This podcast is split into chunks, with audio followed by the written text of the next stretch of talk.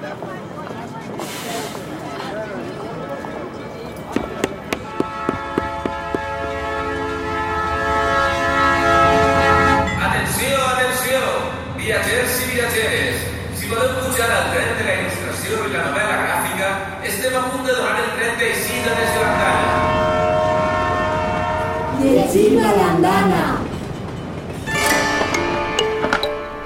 Llegim a l'Andana és el podcast d'Andana Editorial realitzat a quatre mans per Amàlia Garrigós i Xavier Martínez.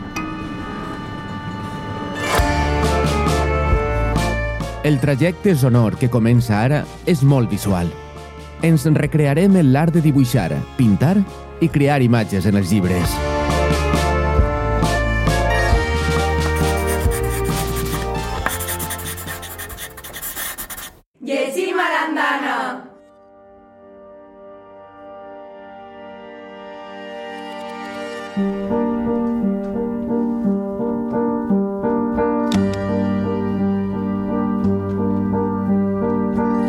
Llegim a l'andana amb Ricard Peris, que és el fundador en l'any 2009 d'esta editorial que aposta sobretot per l'àlbum il·lustrat i la novel·la gràfica, el llibre infantil i juvenil, i el que ens ocupa avui, concretament, és aquesta part visual que cada vegada va agafant més protagonisme i que ha evolucionat molt en els últims anys. Ricard, conta'ns com va néixer novel·la gràfica, eh, andana gràfica, eh, com vas tindre tu aquesta visió que calia apostar per la part visual de, de l'editorial? Doncs eh, realment eh, estava en l'ADN de, de l'editorial, no? Vull dir que, que per nosaltres, eh, evidentment, eh, com a editorial, això és constar que el contingut és important i que hem de cuidar eh, allò que diguem, eh, que les paraules, les històries que contem són fonamentals, però també és molt important l'embolcall, no? com va presentat al lector. I per nosaltres la part de la il·lustració i com t'arriba aquest missatge ha sigut sempre fonamental. No? Al final, si vols convèncer algú per a que s'endinsi en un món, no només has, que, has de dir-li bones paraules, bones històries, però també eh, els seus ulls, no? allò que és bonic, allò, la bellesa no? que t'atrapa. Nosaltres començarem amb l'àlbum il·lustrat, vull dir que a banda també de, de la narrativa, però l'àlbum il·lustrat ha guanyat un pes important, que és un gènere que paral·lelament a la, nostra, a la nostra història també ha guanyat un pes a les llibreries i als lectors de, de, de l'estat espanyol, no? ha, ha anat guanyant un territori amb autors que, amb els quals, com Oliver Jeffers, que vam exportar, no? perquè era aquest àlbum il·lustrat sempre ha tingut un pes a, a Europa no? I, i, i així a Espanya doncs, li ha costat un poc arrencar però nosaltres vam saber aprofitar aquesta tendència i, i bueno, ADN, entre l'ADN que portàvem a dins i aquestes influències tan positives eh, doncs van anar creixent Andana i a partir d'Andana, pues, evidentment, Andana gràfica. Àlbum il·lustrat, què és exactament i què és novel·la gràfica? Una definició allò del... Mm, Bàsica, bàsica. Em, em demanes, això és com demanar-me la recepta de la paella. Això és una cosa que cadascú et contarà la seua i que tindrà la seva particularitat i que per a un serà una cosa, per a un altra. Te puc dir que és per a nosaltres un àlbum il·lustrat, no? Això que, que és com dir-te la, la nostra recepta, no? Aquell, aquell àlbum il·lustrat que ens enamora. L'àlbum il·lustrat estem parlant d'un llibre amb un format mm, visualment atractiu de 20 per 20 centímetres on text i il·lustració eh, es conjuguen no? per a contar-nos una història. No? Allò important és això, vull dir que ens atrapen i ens conten per una banda el text i al mateix temps per una altra la història. El que vull dir que no és una història que el text el narra i la il·lustració reflexa el mateix que diu el text. No? Per nosaltres un bon àlbum il·lustrat és aquell on pot ser és el mateix autor o són dos diferents autors però que saben combinar-se molt bé el text està contant eh, pues, un exemple no? eh, el, el, text es conta un text podria ser és una casa roja on viuen tres porquets si la il·lustració es diu altra vegada el mateix, vull dir, estem redundant. Vull dir, al lector estem dient dos vegades el mateix. No, el lector és una persona intel·ligent, el lector és una persona que sap i que nosaltres volem narrar-li. Li anem a dir arriba a una casa i en la il·lustració veu que és una casa roja i tres porquets. Això, vull dir, jo crec que el lector el fa sentir important i el, i el fa sentir que li estàs contant una bona història. Hola, em diuen César Barceló i sóc il·lustrador sobretot de llibres infantils i juvenils i d'àlbum il·lustrat. He treballat per Andana i he fet eh, alguns dibuixos per als llibres del Nap Gegant, Una família de por, El món al revés, La fada salina, que és l'últim que he fet, i recentment també he col·laborat en el llibre de Dani Miquel il·lustrant una cançó, el llibre de, de Volem, que acaba d'eixir ara. I això és la meva... Bueno, la, la feina que he fet per a l'editorial Andana.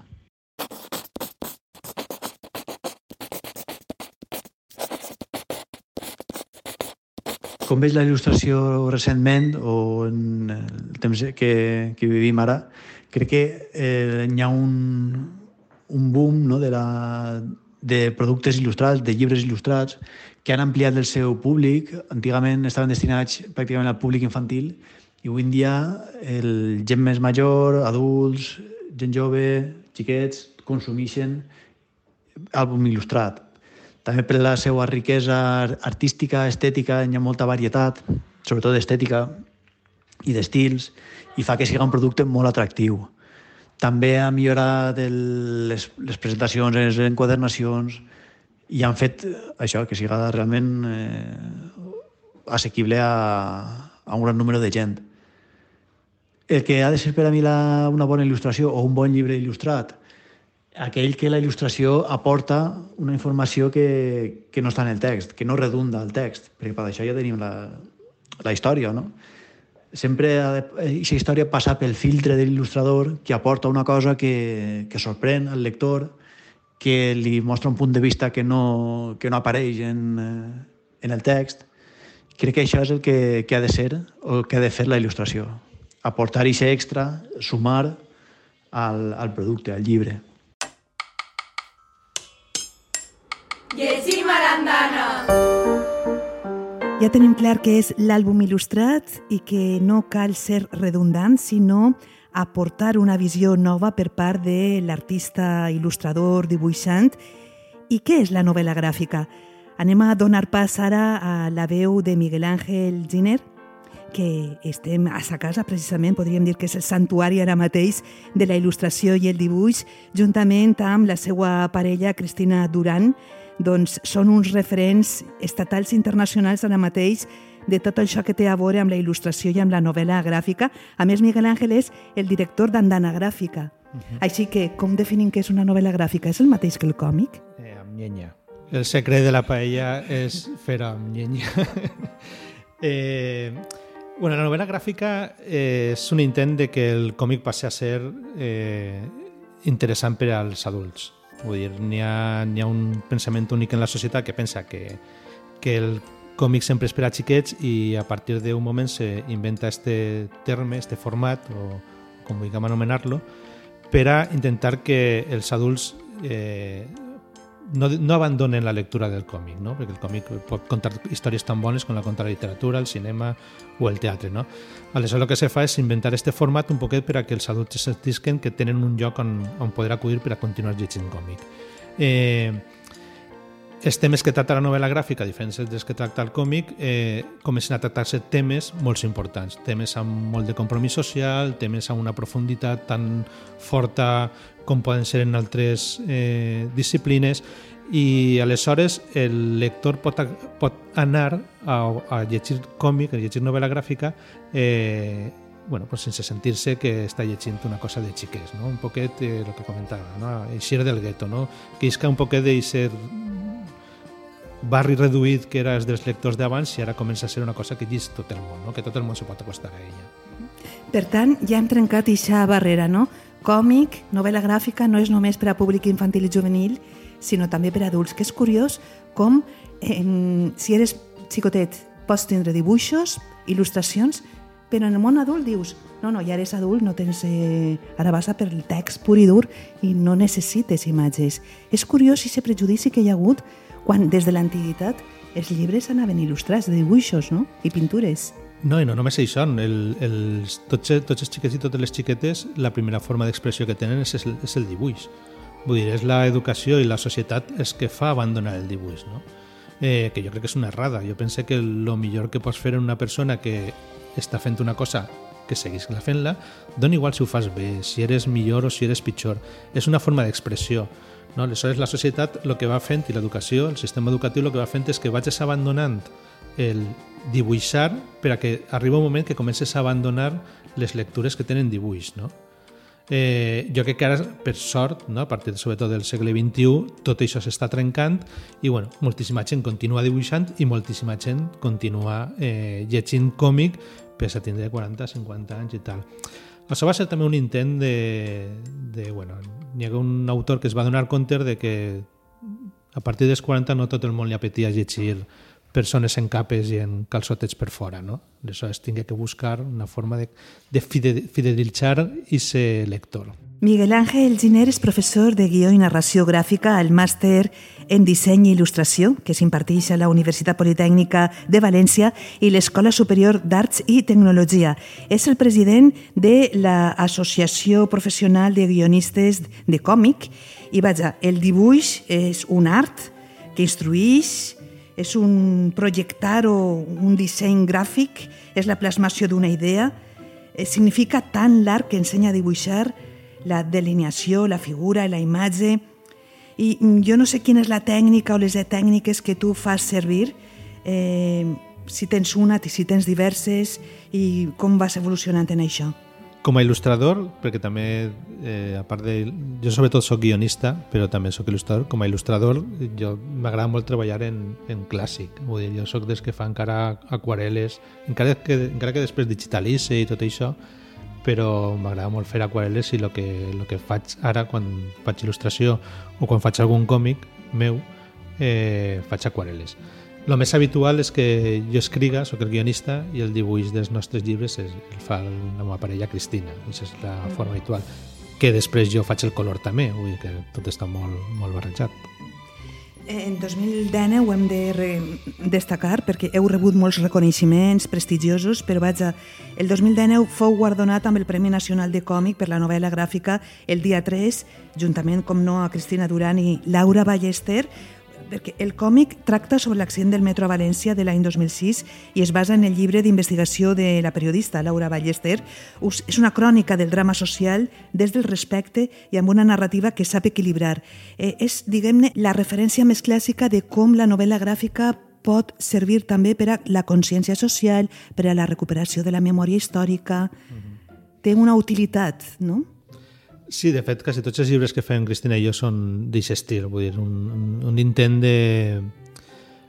No, no tant d'educar, sinó de plasmar una realitat per a que el lector reflexione. No? Això és el que diu una miqueta abans, el que feia un rato que estava dient, que la novel·la, novel·la gràfica està servint per a tractar temes molt profuns com és l'accident del, del metro, no?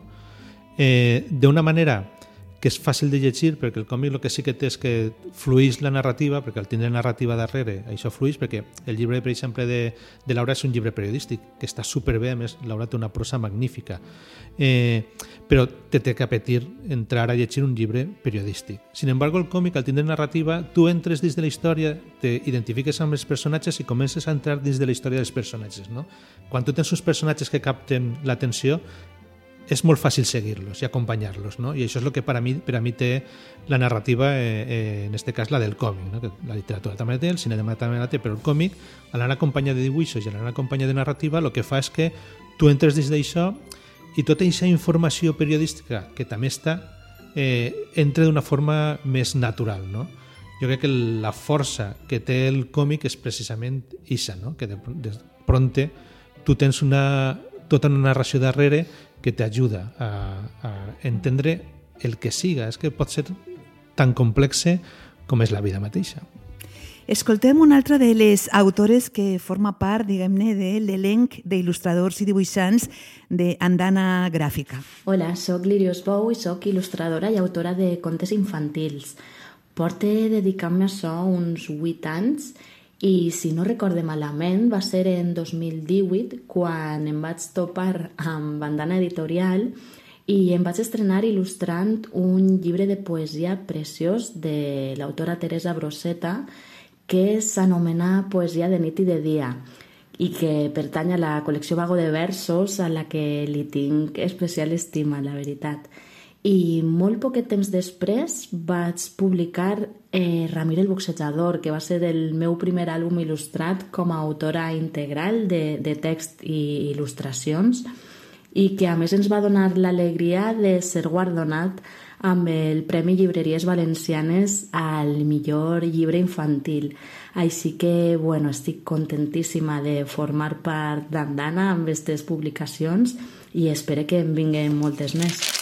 És indiscutible que la il·lustració de qualitat és un valor afegit en la literatura infantil i juvenil, i no només en la infantil i juvenil, eh? també pense que, que en la literatura d'adults la il·lustració ens aporta moltíssimes coses.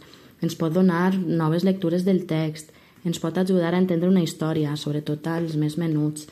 Jo crec que la il·lustració ens fa llegir d'una altra manera, a més, estem vivint un moment àlgid en quant a qualitat i diversitat d'estils, especialment així al País Valencià, on tenim una cantera magnífica d'il·lustradores i il·lustradors. I, bueno, a banda tenim el còmic, que també viu un gran moment i que aporta no només una altra forma de fer literatura, tant per a xiquets com per a adults, sinó que, a més, pense que té un potencial didàctic brutal que crec que podria explotar-se molt més als centres educatius. Llegim a l'andana! Lirios Bou estava comentant que seria molt interessant que el còmic s'introduïra com a eina didàctica a les escoles i als instituts, Ricard. Sí, efectivament, és una de les evolucions naturals que, que pensem que, que ha de tindre. No? De fet, ha estat sempre ahí. No? No, el que passa és que no ha entrat Ah, al món acadèmic, no? al món de, de, de, de la docència. Eh, sí, sí, per això jo crec que això és una part de, de, les, de la missió que tenim les editorials, no? els editors, els autors, no? Vull dir, no només hem de satisfer el mercat, no? Vull donar, sí, n'hi ha una demanda, això, sinó també tenir aquesta vocació de provocar-lo, no? de posar damunt de la taula eh, propostes per a portar i descobrir nous mons. No?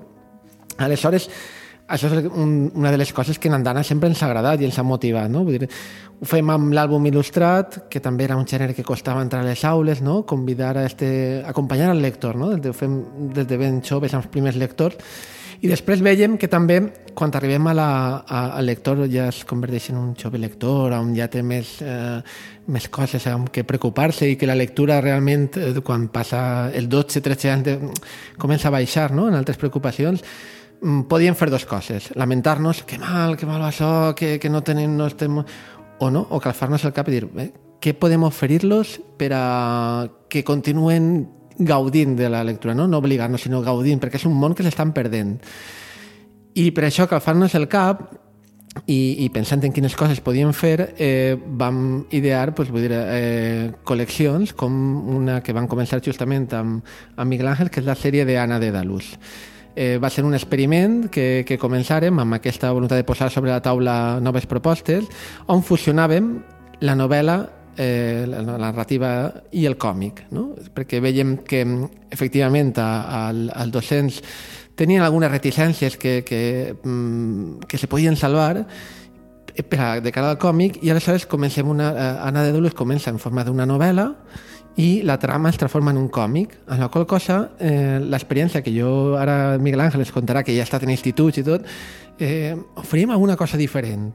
I convidàvem al lector que tant ha entrat al món de, de la lectura i del còmic, que sempre els joves han sigut grans consumidors de còmics històricament, tots ho hem, podem confessar-ho que, que hem llegit còmics i que ha sigut una forma d'apropar-nos al llibre, sí, el TVO, que entrar a les aules, que fora un gènere que estaven contant històries sense renunciar, evidentment, a la part de narrativa. Vull dir, això no és una guerra, vull dir, és una... anem a sumar esforços entre uns i altres per a que el lector gaudisca de la lectura i puga, puga endinsar-se. És una evolució necessària, com comentava des Miguel Ángel, el còmic és del gueto, eh? Estem parlant d'aquesta trilogia Anna de Dalús, el, el misteri de la muntanya morta, la tercera aventura de la jove detectiva o detectivesca Anna Dédalus. Eh, vas començar aquesta col·lecció amb el misteri de la mansió cremada, vas continuar amb la paradoxa de Fermí i finalment arriba este tercer, diguem-ne, capítol, eh, el misteri de la muntanya morta. eh, en la qual encara queden enigmes per a resoldre. Conta'ns un poc quina ha sigut la teua experiència als instituts. bueno, ha sigut... Està sent, no?, perquè encara, encara tinc unes quantes. Eh, està molt bé. Està molt bé perquè sempre es demana als mestres i mestresses que, que hagin treballat el llibre a classe. No és com una condició que, que posem des d'andana, no? de treballeu el llibre en classe perquè si no eh, és molt avorrit per a ells i per a mi. No? I sempre que vaig han hagut institutos, han hagut col·les que, que han fet tota, jo que sé, des de treballs de classe, murals, han reproduït els quaderns de... Hi ha uns quaderns que, que utilitza Anna, els han reproduït ells mateixa, m'han fet esquemes de la mansió, cremada és una mansió, m'han fet la planta de la mansió, vull dir, han fet uns treballs superxulos que després jo eh, estan allí. De fet, va haver un col·le que me va emocionar molt perquè una de les profes me va dir eh, no, tenim una Anna per ahir i tal. Jo pensant que n'hi havia una xiqueta que es deia Anna. No, n'hi havia una xiqueta que s'havia disfressat d'Anna de, de Dalús. Que bonic. Sí, anava en el gos i tot, s'havia portat un gos de, de peluig de, de sa casa i anava vestida de, de la protagonista, no? I m'ha fet una cosplayer d'un d'un eh, personatge meu, no? Em va fer molta emoció, vas fer una foto amb ella i tal, que clar, després no la puc ensenyar perquè els xiquets no poden ser. Però bueno, jo tinc la foto per a mi i em Però això vol dir que podria tindre molt de potencial per a fer una sèrie d'animació, per exemple, no? Sí, jo crec que sí, jo crec que sí, té, té un... les històries estan bé, la narrativa està bé. Eh, jo recordo que quan Ricardo m'ho va proposar, perquè ell tenia la idea, en principi anàvem a dedicar-nos, Cristina i jo, només de la part de, de, gui, de guió del còmic, o sigui, el còmic. Eh, I jo li vaig dir a Ricard, deixa'm, perquè jo tinc una idea, crec que pot funcionar molt bé, una idea de com ha de ser, eh, ser això perquè funcione. Eh, clar, jo no havia escrit mai, havia escrit els meus relats i tal, però no havia escrit mai una història llarga, no? I hi ha un moment que vas dir, ostres, això és més complicat de lo que jo pensava, però bueno, al final tires d'ofici i, i ho vas traient i tal, amb ajuda d'alguns amics, del meu germà i tal. Eh, la idea era que, que li vas comentar jo a Ricard, li, vas dir, és que a mi el que no m'agrada són... Ixes, quan, quan tenim menús que llegim unes, unes històries que te contava una part de la història, el primer capítol en, en lletra, no? en literatura, i el segon capítol en còmic, el tercer capítol en lletra. Dic, això és el que jo no vull, això era avorridíssim. De fet, jo només llegia el còmic. Jo el que vull és que dins de la narrativa el còmic siga part de la narrativa. És dir, que, no, que siga imprescindible llegir-te el còmic per a continuar i siga imprescindible llegir-te la part de literatura per a continuar. No te pots saltar ninguna de les dues. Si te la saltes, ja no pots seguir la història.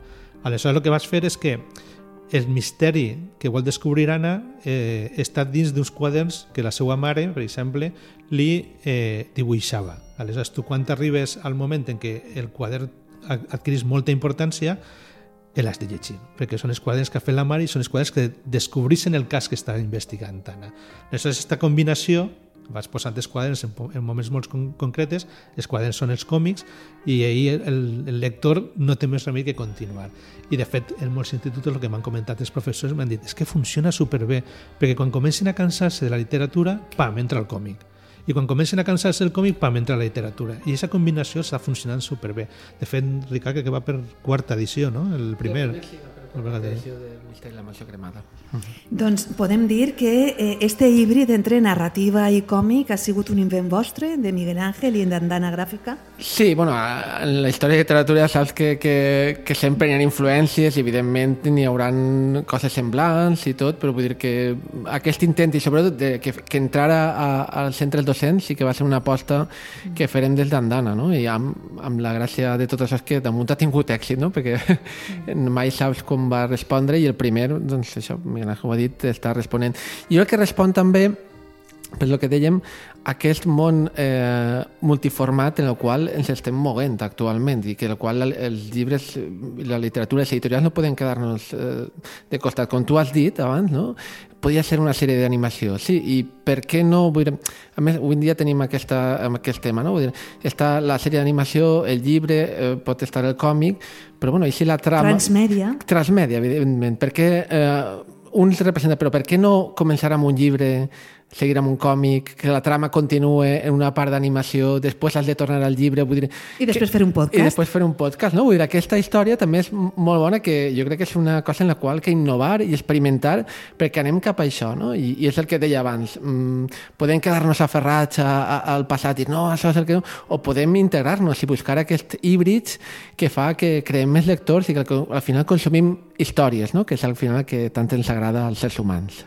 Recentment, eh, Andana ha rebut també un premi a propòsit de Operística, de Kio MacLear, una obra centrada en l'aprenentatge dels adolescents a través de l'educació musical. Ha sigut Premi València de novel·la gràfica, és un còmic europeu, que ahir també teniu vosaltres un fil no?, amb Europa, de tenir un contacte per agafar sí, jo, jo propostes que, clar, potents, no? Andana gràfica, doncs això, el que deia, continua l'ADN d'Andana, no? De, de, per una banda, eh, allò local, no? vull potenciar-lo, vull dir, eh, treballar també a nivell d'ací, però per un altre estar ser superporosos a allò que passa a Europa, no? allò que està produint-se, no? Realment és canadenc, que Clar, el, el, el, el perística són de Canadà. I, I aleshores és això, saber triar allò bo que ens agrada d'altres catàlegs i importar-lo, no? I va ser el cas d'operística, no? que trobarem aquest, aquesta novel·la gràfica que, que per a joves realment durarà amb aquest premi pensem que és una novel·la gràfica meravellosa no? perquè que atrapa al lector perquè te conta tantes coses no? A més, té un tema superbonico que és el, el primer amor no? de l'institut, que sí. és el, el, sempre això té molta força. No? I damunt molt ben treballat sí. amb, amb, amb l'apareix un biòpic de la vida de Maria Calas, no? Mm. com, com juga amb el passat, el present, allò que passa a l'institut ho lliga amb, amb la vida de, de, de Maria Calas, que vas descobrint-la, vull dir, hi ha un treball tan bo i després gràficament també és super atractiva, és, molt potent, sí. és molt potent i trobarem que era una lectura que, que podia atrapar perfectament. No? La trama ens recorda un poc a la sèrie aquesta, però llegar a la sèrie de Merlí, no? aquells que han vist la sèrie de Merlí els agradarà, no? aquells que tenen ganes que els agrada la música els agradarà perquè trobaran un professor de música estil Merlí però eh, aplicat al món de la música que es fa descobrir i créixer jo crec que aquest és l'ADN que, que hem de buscar en els llibres, no? saber eh, atrapar i per sort ha rebut un premi que això doncs, està molt bé no? i ajuda sempre a aquesta difusió que és el que tant necessitem, no? aquesta empenta per arribar a, a més gent.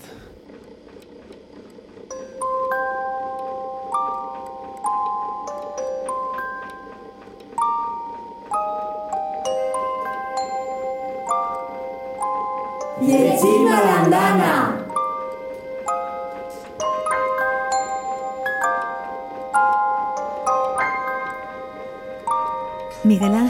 És important destacar que en estos moments, no ara, sinó abans, eh, com a mínim des de la República amb la traca, els valencians som referents en el món de la il·lustració, en la imatge en general, el dibuix, i esteu rebent premis constantment. Eh, què vol dir això? Per què destaquem en aquesta vessant artística?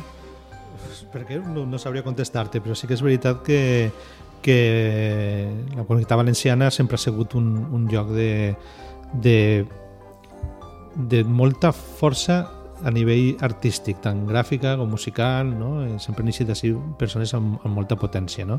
I també de, de rebre molta gent de fora, no? Conec moltíssima gent que ve a viure a València i, i és que així, d'alumnes de, del màster no, te puc contar, no? De, de Latinoamèrica i del resto d'Espanya que han vingut i s'han quedat així no sé, suposo que comentaven, ¿no? El clima, la gastronomia, eh, lo, lo, lo macos la llum. que, lo, la llum, lo macos que som els valencians, jo que sé. Deu d'haver ahí algo.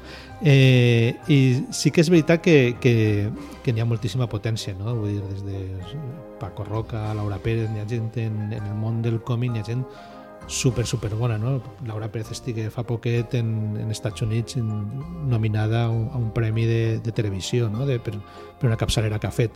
Ui, Paco Roca no fa falta que parlem d'ell.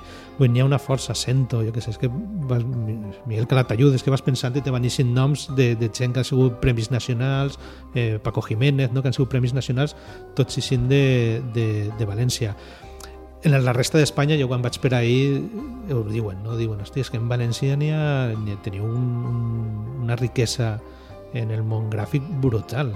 Dic, ja, tampoc sé explicar molt bé per què, però sí que és veritat que està ahí i ja que està ahí eh, n'hi ha que aprofitar-la. També és veritat que l'ambient social que n'hi ha al alrededor de tot el que és el món gràfic i quan vas a alguna presentació o algo, eh, és molt fort, vull dir, n'hi ha moltíssima gent que va, n'hi ha moltíssima respo resposta per la població cap a tot el que siga presentacions de llibres, presentacions de còmic, eh, no sé, se crea un ambient molt, molt fort alrededor d'això i aquest reconeixement social d'alguna manera està plasmat després en que a mi m'apetís cantar dins d'aquest món. No? Jo crec que jo sóc un xiquet, xiqueta, i veig aquest món i veig que està aquesta riquesa, pues, m'apetís entrar. No? I això també té el respaldo després, de recolzament, perdó, després de, dels pares que diuen, bueno, si vols estudiar Belles Arts o vols estudiar disseny, pues, endavant, no? no hi ha problema. Està ben vist, eh? això de ser il·lustrador o il·lustra- o il·lustradora. Sí. És una, una bona aposta de futur. Eh, eh, va molt bé que anem evolucionant en este multiformat, multimèdia, multidisciplinar i transmèdia que, en el que estem vivint des de lo local a allò que és global i Andana Gràfica concretament ho està treballant molt bé des de fa anys tant amb la novel·la gràfica, el còmic, com amb l'àlbum il·lustrat. Tu has dit moltes vegades, Ricard Peris, que a Andana vosaltres treballeu amb la matèria primera de l'art, és a dir, si aneu adreçats a xiquets i xiquetes, precisament heu de tindre més cura encara, no?, per la responsabilitat que hi ha ahí darrere. Mhm. Sí, eh, això jo crec que en, en, quan ho tractem en altres, jo crec, per situar-nos molt bé, sempre eh, podem fer un, una metàfora, no? Vull dir, amb l'alimentació. Jo sempre ho compare, no? Sempre que, que la, algú diu l'alimentació donar-li el fills el millor de la casa, no? No sempre, evidentment, eh, quan parlem de llibres pues hem d'aplicar la mateixa filosofia, no? Vull dir, hem de ser supercurosos perquè realment és quan s'estan sentant les bases no? de, de l'educació, de, de la, educar en la bellesa, educar en les bones històries, no? allò que estem donant-los a, aquell, a aquells xicotets certs, no? és allò que quedarà més dins d'ells, no? perquè és quan estem, tenim un fil més directe amb els seus records i amb allò que estan construint-se. En, en Andana doncs això ho, ho, ho cuidem, no? jo crec que, que això sempre ho hem tingut en compte, sobretot perquè antigament no, qualsevol cosa era un bon, un bon llibre infantil, un bon llibre per a xiquets. De fet, hi ha una cosa molt curiosa no? que, que, que m'agrada destacar, perquè sempre hi ha un debat en bueno, els àlbums il·lustrats per a quina edat són. No? És un tema que, que sempre ha eixit i que, que... I una vegada que li preguntaven fent una entrevista a un dels autors que publiquem en Andana, Oliver Jeffers, que li diuen, no, vostè fa llibres per a, per a xiquets i ell va corregir i m'ha encantat aquesta correcció i va dir, no, no, jo faig llibres. Vull dir, que el meu llibre pot llegir-lo un xiquet, pot llegir-lo un adult pot llegir-lo qualsevol. Vull dir, fa crear àlbums il·lustrats i és la realitat.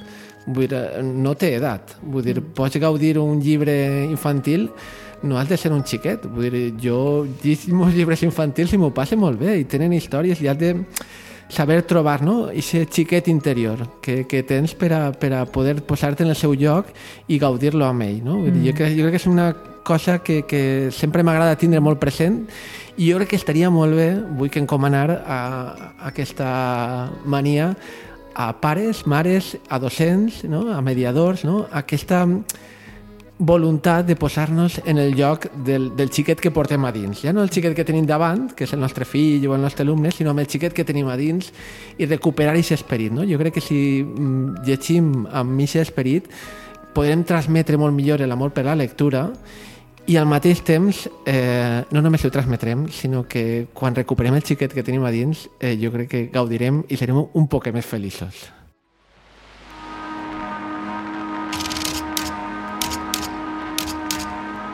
Aquest esperit de recuperar sempre o de fer ressorgir el xiquet o xiqueta que hem sigut és el que t'ha fet a tu, Miguel Àngel, ser editor de novel·la gràfica en Andana?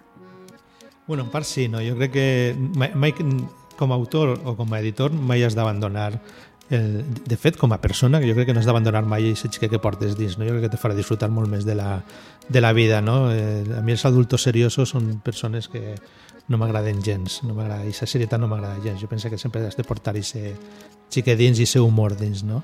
Eh, crec que quan, que quan Ricard me va proposar eh, portar la part d'andana gràfica de, de, de còmic, eh, jo recordo que vaig pensar, ostres, per què no? no? Perquè jo pense que per a ser autor o per a ser, igual que per a ser editor, has de ser primer, que és una cosa que diuen molts als meus alumnes i alumnes, heu de llegir molt, no? I jo pense que, que primer has de ser un gran lector per a ser un gran autor i has de ser un grandíssim lector per a ser un bon editor. Crec que és imprescindible no abandonar aquesta sorpresa que tens quan llegis un llibre i t'agrada i tens entusiasme i t'emociona i aquesta sorpresa i aquesta emoció que tens intentant transmetre-la als demés, bé com a autor, bé com a editor, me sembla una cosa que, que no té preu, no? Vull intentar no és, intentar, és com intentar projectar-te cap endavant als demés, no? I jo crec que això és una de les funcions que té l'edició, que és possiblement la que més m'atraïa de, de, del negoci, no? Perquè a mi el, el negoci no m'atrau tant, a mi el que m'atrau és intentar donar bons llibres al, al mercat. Som com productes delicatessen en el món en el, en el que estem clavats del planeta internet, no? on allò material físic sembla que s'està evaporant, però no. Quan fem productes d'aquestes característiques amb una bona factura i amb una cura per la part artística, això s'agraeix i són joietes que tens a casa que pots compartir amb els teus. Sí, jo crec que, eh, efectivament, eh, aquest món d'internet ple de notificacions i, i, i, i d'influències a tot, el llibre eh, que alguns van dir que desapareixeria, no? ja portem molts anys enterrant-lo i cremant-los, no? ja, aquestes fogueres de llibres, tot el contrari, sobreviu, no? és, un, és un element que sobreviu i va creixent, perquè cada vegada més ens trobem a xarxes, no? als tiktokers i tot, eh, que reivindiquen la lectura, no? necessitem, mm, sembla mentida, però en aquest món tan, necessitem més que mai el llibre. No? És com un espai, aquest paradís on podem tancar-nos, ficar el, el mòbil en mode avió i només estem nosaltres i el text, la il·lustració i gaudir d'un moment que el nostre cervell i que la nostra vida necessita. Doncs ahí ens quedem, llegint a l'andana, apagant el mòbil i gaudint en companyia d'una bona lectura i uns, uns bons àlbums il·lustrats, un bon còmic o novel·la gràfica o tot hibridat, que això és molt interessant. Moltíssimes gràcies, Ricard Peris, fundador d'Andana, i també a Miguel Àngel Giner Bou, per rebre'ns en este santuari, dic jo, de Benetússer, on està bollint sempre les idees de Cristina Duran i Teues. Un plaer. Igualment. Moltes gràcies.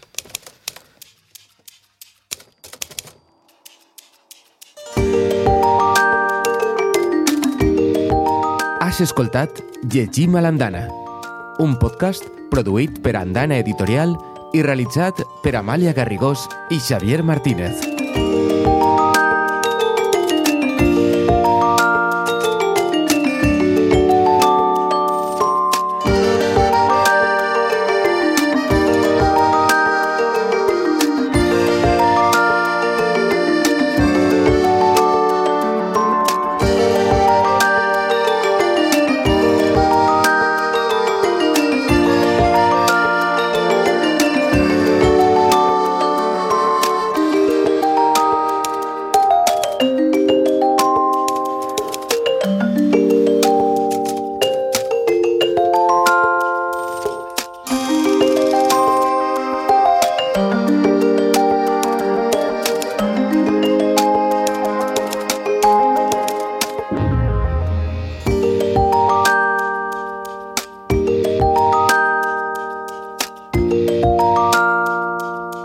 Música